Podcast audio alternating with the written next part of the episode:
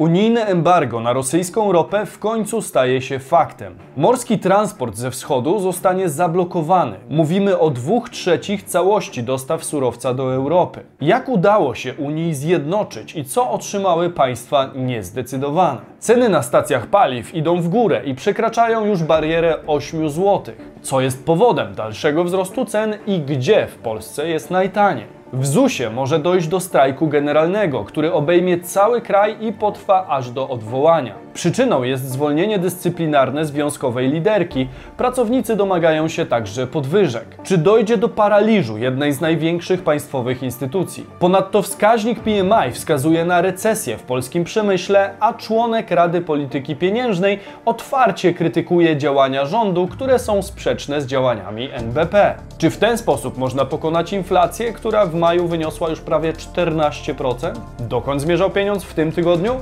Sprawdźmy to. Bizweek. Cotygodniowy przegląd świata biznesu i finansów. Cześć, tutaj Damian Olszewski i witam Was serdecznie w programie Praktycznie o pieniądzach i informacyjnej serii Bizweek. Serii, w której co tydzień w pigułce otrzymujecie najważniejsze informacje ze świata biznesu i finansów. Warto więc subskrybować kanał na dole, aby wiedzieć, co dzieje się w naszych portfelach. Czas to pieniądz, więc zaczynajmy. Strajk generalny w ZUS-ie.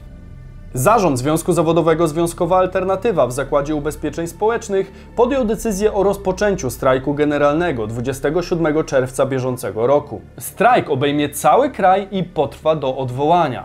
Z listu skierowanego do premiera Mateusza Morawieckiego 30 maja wynika, że pracownicy od dłuższego czasu nie są zadowoleni z warunków panujących w Zakładzie Ubezpieczeń Społecznych. Bezpośrednią przyczyną decyzji o akcji strajkowej jest zwolnienie dyscyplinarne liderki związkowej alternatywy w ZUS i zarazem głównej negocjatorki w sporze zbiorowym Ilony Garczyńskiej. Ponadto postulują zwiększenie płac pracowników ZUS oraz zdymisjonowanie obecnej prezes profesor Gertrudy Uścińskiej, która nie tak dawno była przecież w obiegu potencjalnych kandydatów na stanowisko ministra finansów. Nie jest to pierwszy przypadek sporu pomiędzy Związkiem Zawodowym a ZUS-em. Pracownicy urzędu od dawna narzekają na przeładowanie obowiązkami i niskie płace. Czarę goryczy czy przelało zwolnienie pani Garczyńskiej, która według rzecznika zakładu wielokrotnie mijała się z prawdą i rozpowszechniała nieprawdziwe informacje. Zakład Ubezpieczeń Społecznych uznaje za niedopuszczalne jej wypowiedzi jako pracownika ZUS, szkalujące dobre imię zakładu, jego kierownictwa, związków zawodowych i pozostałych pracowników.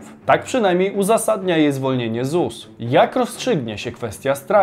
Czy faktycznie związkowcy zaangażują wszystkich pracowników zakładu i rozpoczną strajk ogólnokrajowy? Będę Was informował o rozwoju tego konfliktu. Warto zaznaczyć, że tarcia pomiędzy obiema stronami trwają już dosyć długo, a w przypadku braku spełnienia postulatów związku zawodowego strajk wydaje się całkiem prawdopodobny. Jeżeli ktoś z widzów pracuje w ZUS-ie, to dajcie znać proszę w komentarzu, jakie panują u Was warunki zatrudnienia i jak według Was potoczą się dalsze losy tej sytuacji.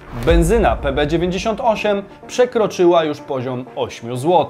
Portal ePetrol Petrol.pl poinformował w środę, że benzyna PB98 przekroczyła poziom 8 zł za litr, a cena PB95 wzrosła o 22 grosze na litrze do 7 zł i 55 groszy. Ceny paliw nadal drastycznie drożeją, na czym cierpią polscy kierowcy, ale przede wszystkim branża TSL, czyli transport, spedycja i logistyka. W historii notowań Petrol.pl po raz pierwszy mamy do czynienia z sytuacją, w której średnia cena benzyny 98-oktanowej wynosi 8 zł i 2 grosze za litr, co oznacza, że w ciągu tygodnia poszła w górę o 16 groszy. Jeszcze bardziej, bo aż o 22 grosze na litrze wzrosła cena PB95, która wynosi 7,55. W porównaniu do benzyn zaledwie o 4 grosze podrożał olej napędowy oferowany w sprzedaży na stacjach po 7,13 za litr, wyliczyli analitycy portalu ePetrol. Zaznaczono jednak, że trzeci tydzień z rzędu tanieje LPG, za którego litr płaci się średnio 3 3,59. To jest o całe 3 grosze mniej niż przed tygodniem.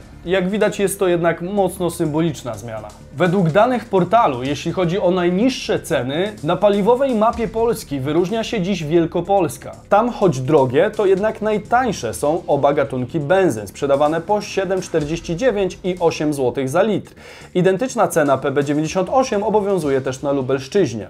W województwie świętokrzyskim w najbardziej atrakcyjnych cenach tankuje się aktualnie olej napędowy.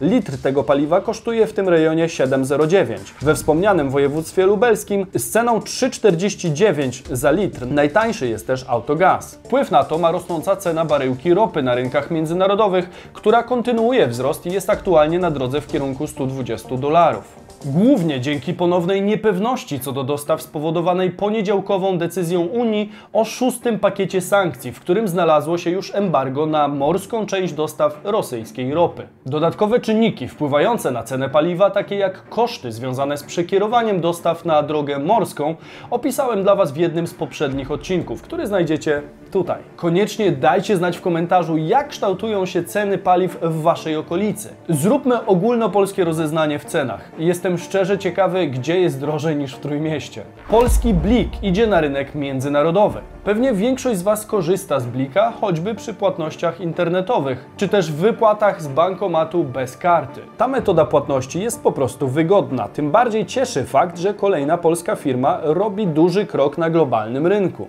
Polski standard płatności, czyli operator systemu Blik, dołącza do międzynarodowego systemu SWIFT, który umożliwia zautomatyzowanie i szybką realizację przelewów międzynarodowych. Dzięki temu Blik będzie miał możliwość realizacji rozliczeń w walucie euro, a to oznacza dużą wygodę dla użytkowników, którzy będą mogli płacić blikiem za granicą. Dotychczas płatności blikiem były możliwe w całej Polsce oraz na niektórych zagranicznych platformach e-commerce, np. na chińskim AliExpress. Kolejnym krajem ma być Rumunia, a ponadto trwają prace nad blikiem w telefonie w całej Europie. Zawsze gdzieś tam cieszy fakt sukcesu polskiej firmy na globalną skalę.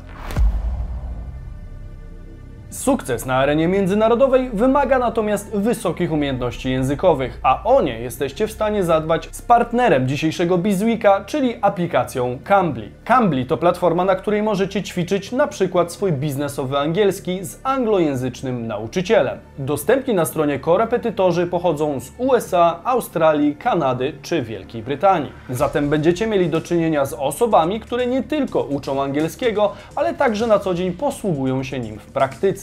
Nauczyciele w Cambly są dostępni 24 godziny na dobę, 7 dni w tygodniu, a kiedy tylko znajdziecie czas na naukę, możecie porozmawiać z nimi online. W wyszukaniu właściwego dla siebie nauczyciela pomagają różne filtry, gdzie możecie także wybrać rodzaj akcentu korepetytora czy tematykę rozmów. Pandemia i praca zdalna bardzo otworzyły globalny rynek pracy i biznesu. Dlatego przy odpowiednich umiejętnościach językowych można otworzyć sobie drogę do zarabiania w funtach czy dolarach, mieszkając w Polsce. W tym celu możecie skorzystać ze specjalnego kodu BIZON, który udostępni Wam 15 minut lekcji testowej. Link znajdziecie w opisie odcinka i przypiętym komentarzu. Unia zgadza się na częściowe embargo na ropę z Rosji. Unijni decydenci dogadali się w zakresie szóstego pakietu sankcji wobec Rosji. Obejmuje on m.in. odcięcie największego rosyjskiego banku, Sbierbanku, od systemu SWIFT oraz jak napisał na Twitterze przewodniczący Rady Europejskiej Charles Michel, osiągnięto porozumienie w sprawie zakazu eksportu rosyjskiej ropy do Unii Europejskiej.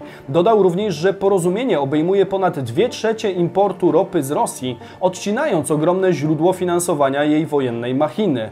Maksymalna presja na Rosję, by zakończyła wojnę. Podczas obrad przywódcy państw Unii Europejskiej osiągnęli co do zasady porozumienie na częściowe embargo na ropę z Rosji, które będzie oznaczać ogromną redukcję importu tego surowca do Unii Europejskiej. Embargo de facto obejmie 90% unijnego importu, ponieważ Polska i Niemcy wstrzymają sprowadzanie rosyjskiej ropy wraz z końcem tego roku. Pozostałe 10% ropy z Rosji sprowadzanej do państw Unii Europejskiej będzie objęte tymczasowym wyłączeniem z sankcji, tak aby pozbawione dostępu do morza Węgry oraz Słowacja i Czechy miały czas na znalezienie alternatywnego źródła dostaw surowca. Węgry otrzymały ponadto gwarancję od innych przywódców, że w przypadku nagłego zakłócenia dostaw ropy z Rosji Unia Europejska wdroży środki nadzwyczajne. Na zakończenie wspomnę, że uczestnicy szczytu porozumieli się też w kwestii stworzenia międzynarodowego funduszu, którego celem będzie odbudowa Ukrainy po wojnie. Szczegóły tego funduszu będą ustalone dopiero w późniejszym terminie,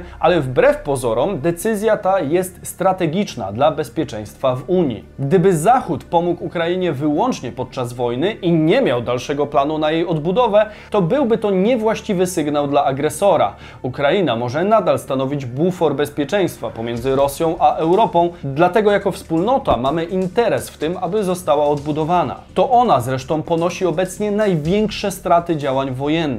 Sygnały recesji w polskim przemyśle. Wskaźnik PMI dla polskiego sektora wytwórczego spadł poniżej 50 punktów, co sygnalizuje spadek aktywności ekonomicznej. Co ważne, kwietniowe dane o produkcji przemysłowej pokazywały silny wzrost sprzedaży w fabrykach. Zatem miesiąc do miesiąca sytuacja gruntownie się zmienia. Wskaźnik PMI kalkulowany jest na podstawie ankiety przeprowadzonej wśród menadżerów firm przemysłowych. Proszeni są o porównanie z poprzednim miesiącem wielkości nowych zamówień, produkcji, zatrudnienia, prędkości dostaw oraz zapasów. Wyniki powyżej 50 punktów wskazują na wzrost aktywności ekonomicznej. Z kolei PMI poniżej 50 punktów oznacza spadek aktywności ekonomicznej. W maju PMI dla polskiego przemysłu osiągnął wartość 48,5 punkta. Po raz pierwszy od czerwca 2020 roku przyjmując wartość niższą od 50 punktów. Rynkowy konsensus zakładał odczyt na poziomie 52 punktów wobec 52,4 punkta odnotowanych w kwietniu. Rynek zatem mocno rozminął się z rzeczywistością.